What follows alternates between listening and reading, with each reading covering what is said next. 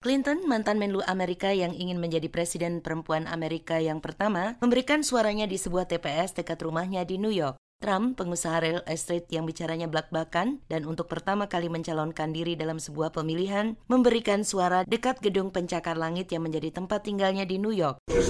Dan mengatakan kepada para pekerja TPS semua berlangsung baik. As, you know, I know how much responsibility goes with this and Uh.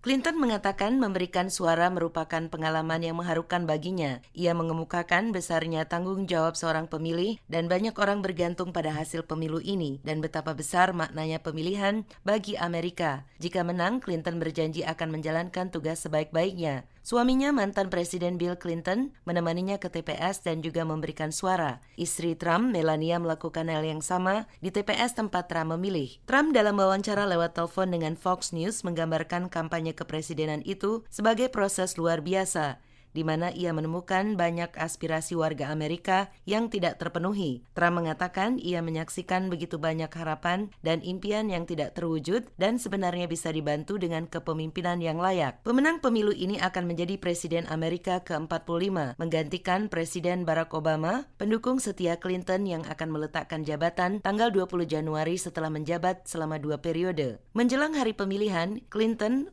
Unggul tipis dalam survei nasional sekitar 3 poin. Pemilu Amerika tidak ditentukan berdasar suara terbanyak nasional, tapi hasil-hasil di setiap 50 negara bagian dan ibu kota Amerika Washington. Negara bagian yang paling banyak penduduknya mempunyai pengaruh besar dalam Electoral College atau lembaga perwakilan pemilih. Untuk menang, calon presiden harus memperoleh 270 dukungan dari 538 anggota Electoral College. Clinton dan Trump yang berusia 70 tahun adalah dua dari tiga calon tertua untuk menjadi presiden Amerika. Keduanya menyelesaikan kampanye mereka selasa subuh. Clinton menyebut pemilu ini ujian terbesar, sementara Trump mengatakan hari ini adalah hari kemerdekaan kita.